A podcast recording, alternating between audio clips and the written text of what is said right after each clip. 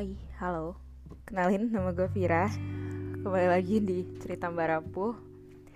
Um, I'm going to say thank you first Karena menurut gue sekarang podcast gue udah mulai mendapatkan recognition Kayak udah banyak, eh beberapa deh. Gue gak bakal bilang banyak karena belum banyak sebenarnya. Tapi ada beberapa orang yang udah dengerin dan juga udah nungguin episode baru dari podcast gue walaupun sebenarnya menurut gue tuh podcast gue agak kurang jelas gitu ya.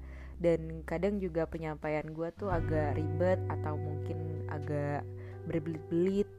Mungkin kalau lo pengen ngasih masukan atau evaluasi ke podcast gue boleh banget sih. Kayak kasih tahu aja gitu. Gue juga bakalan I'm really open for critics and gue juga bakalan ngebangun diri gue dari sana.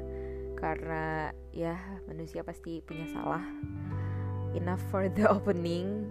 Jadi beberapa hari belakangan gue emang kurang aktif ya karena gue lagi gak ada inspirasi aja gitu. Kayak kadang gue mikirin beberapa hal tapi gue nggak tahu apa yang mau gue sampaikan. Kayak gue bingung gitu apakah hal ini relevan atau mungkin bakal relate sama orang-orang. Itu gue mikir banget. Walaupun beberapa dari podcast gue emang nggak yang relatable banget gitu karena kadang emang jarang sih orang-orang dengan kepribadian yang kayak gue hmm, by the way gue tuh INFJ dan itu tuh cukup jarang sih. Gue jarang banget ketemu orang yang bener-bener klop mirip banget sama gue tuh jarang gitu. So what I'm going to tell you about today is going to be related to that. Gue bakalan ceritain tentang my mental journey. Jadi um, gue itu adalah orang yang udah pernah mendapatkan bantuan dari profesional dari psikolog karena gue itu dulu sempat ngalamin yang namanya anxiety kecemasan berlebihan gitu. Bukan yang disorder tapi gue ngalamin kecemasan berlebihan. Dan ini tuh bukan gue vonis sendiri tapi divonis sama psikolog melalui tes dan juga terapi. Jadi pada saat itu tuh yang nge-trigger adalah yang paling nge-trigger anxiety gue ini adalah relationship.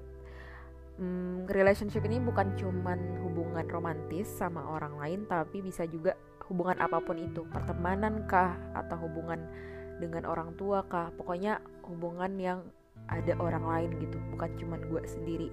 Karena kalau misalnya lo dengar podcast gue yang sebelumnya gue pernah cerita juga kalau gue itu sering banget ngalamin yang namanya kesepian atau loneliness. Karena gue sering banget ngerasa gue sendiri di dunia ini walaupun sebenarnya ya pastilah banyak banget orang lain dan gue juga punya banyak temen. Gak banyak tapi cukup.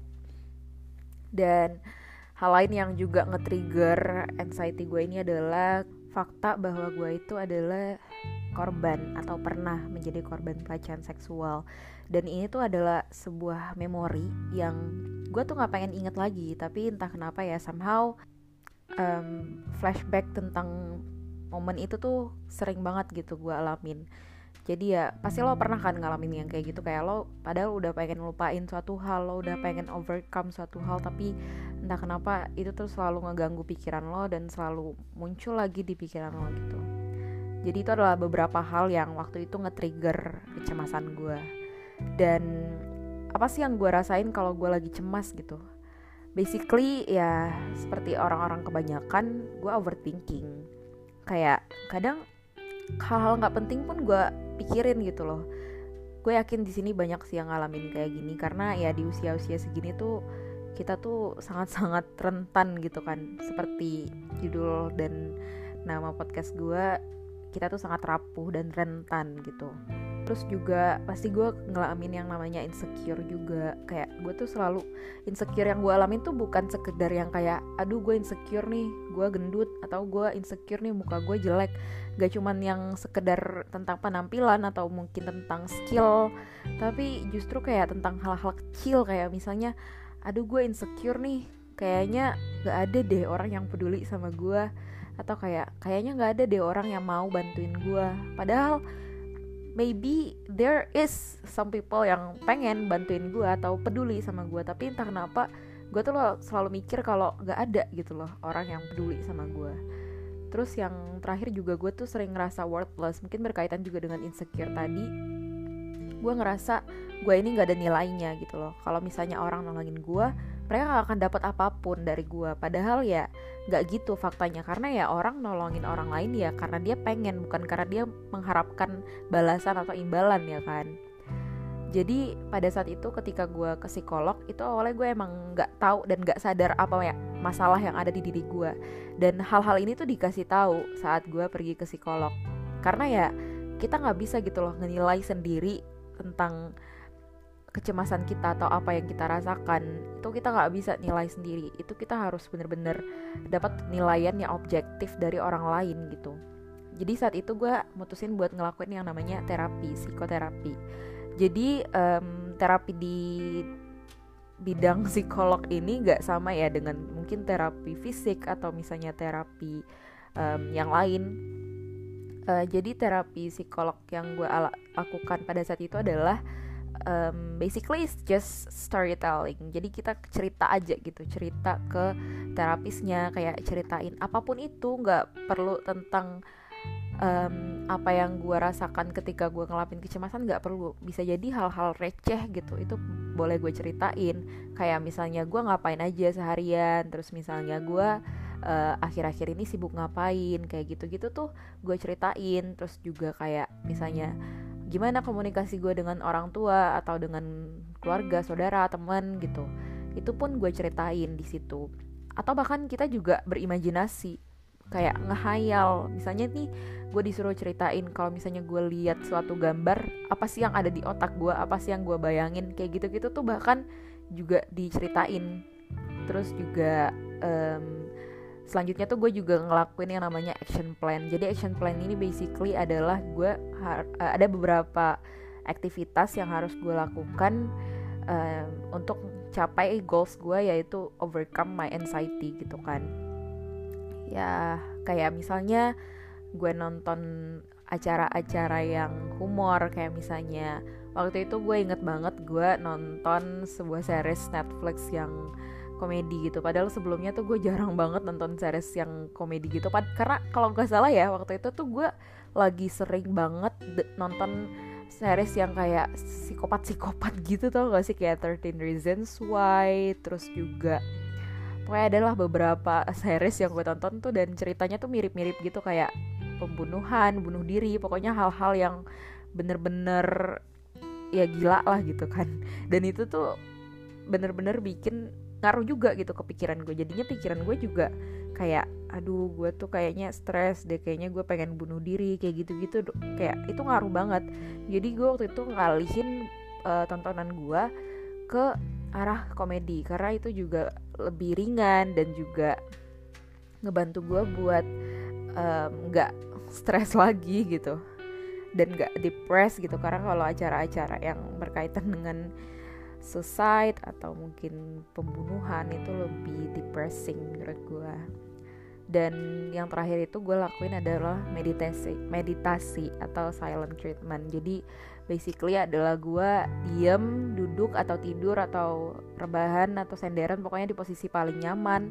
Terus gue nutup mata dan gue ngelakuin yang namanya silent treatment yaitu kayak gue nggak mau pikirin apa pun. Karena lo ngerasa gak sih otak lo tuh nggak bisa berhenti ngomong gitu loh. Kayak walaupun lo lagi diem walaupun lo lagi tidur tapi otak lo tuh tetap berpikir dan selalu ada yang lo katakan di dalam otak lo. Kalau gue tuh sering banget kayak gitu. Jadi waktu lagi meditasi intinya tuh gue dengerin apa yang pengen gue bilang ke diri gue sendiri. Kayak misalnya Vira lo jangan terlalu keras sama diri lo sendiri. Atau misalnya Vira um, lo tuh nggak perlu loh mikirin hal-hal yang gak belum tentu itu bakalan berdampak sama diri lo sendiri. Atau misalnya Fir lo nggak perlu mikirin orang yang belum tentu mikirin lo gitu. Dan pokoknya gue ngasih tahu diri gue apa yang sebenarnya gue rasakan apa yang sebenarnya gue pengen diri gue tahu.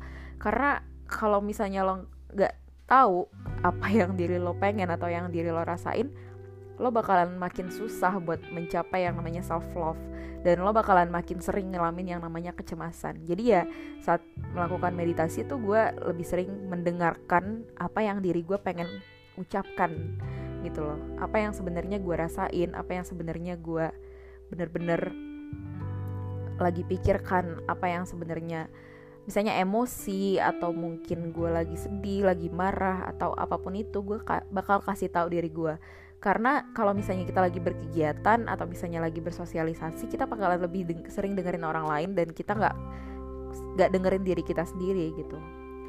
Jadi ya itu adalah beberapa hal yang gue lakuin saat terapi sama psikolog. Dan tentunya gue nggak nggak selamanya ke psikolog karena it it cost a lot of money. So setelah gue keluar dari psikolog pasti gue terus ngelakuin beberapa treatment-treatment yang gue lakuin ketika gue masih bareng psikolog which is gue masih meditasi gue masih kayak gue masih sering melakukan silent treatment itu gue meditasi dan memikirkan apa yang gue rasakan. Tapi um, terus juga gue kasih tahu diri gue kalau misalnya it's not worth it gitu. Lo nggak perlu mikirin hal-hal yang nggak seharusnya lo pikirin. Walaupun itu sangat sulit buat mencapai titik yang gue bener-bener udah uh, istilahnya itu cuek banget lah ya itu tuh susah banget gitu loh lama banget buat gue sampai ke titik itu. Terus juga yang terakhir pastinya karena tadi trigger gue itu adalah relationship jadinya gue juga jadinya lebih berhati-hati dalam hubungan sama orang lain. Gue lebih tau lah batasan-batasan uh, limit-limit hubungan gue sama orang itu sampai mana gitu loh. Jadinya gue nggak akan mudah lagi jatuh ke lubang yang salah gue nggak akan mudah lagi terpengaruh sama orang-orang yang ternyata buruk buat gue dan itu menurut gue cukup berdampak sama diri gue hari ini gitu loh. Gue yang hari ini tuh udah beda banget dari gue setahun lalu. Diri gue yang hari ini tuh udah beda banget sama gue yang dulu sebelum gue ke psikolog gitu setelah itu mungkin lo akan nanya gitu. Jadi setelah gue ngelakuin hal-hal itu apa yang gue rasain sekarang gitu? Apa yang gue rasain akhir-akhir ini? Of course gue nggak langsung berubah 180 derajat menjadi orang yang ceria nggak pernah kecemasan lagi nggak pernah overthinking nggak pernah insecure. Of course not. Karena gue masih sering banget ngalamin kesepian gue masih sering banget ngerasa yang sendirian di tempat ramai terus gue juga masih sering ngerasa worthless sedih depressed dan kecemasan itu masih ada di dalam diri gue tapi ya balik lagi hal-hal itu tuh nggak salah. Hal-hal itu tetap valid karena itu adalah apa yang gue rasain.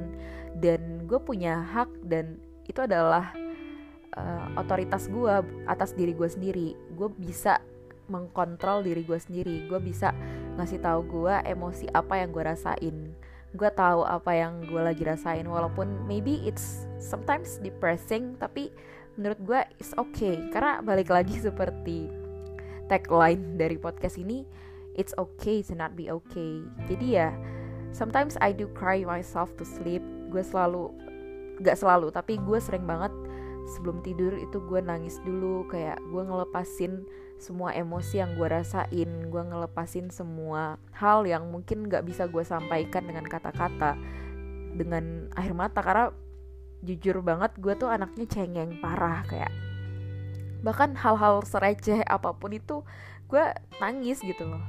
Dan menurut gue itu nggak apa-apa daripada gue harus nahan. Karena kalau misalnya gue nahan itu bakalan lebih sesak lagi di dada. Karena kayak pasti lo ngerti lah perasaan di mana kita nggak bisa jujur sama diri sendiri kita nggak bisa jujur tentang apa yang kita rasain. Kita harus sel selalu terlihat bahagia selalu terlihat baik-baik aja. Padahal sebenarnya kita tuh lagi nggak baik-baik aja gitu loh. Jadi ya gue pengen ngasih tau lo kalau it's okay not to be okay it's okay to be fragile sometimes. Karena kita itu semua manusia dan manusia itu diciptakan dengan perasaan yang pastinya gak, gak kita tuh bukan robot gitu. Kita nggak akan selalu disistemkan untuk menjadi baik-baik aja. Karena ya yeah, it's okay not to be okay.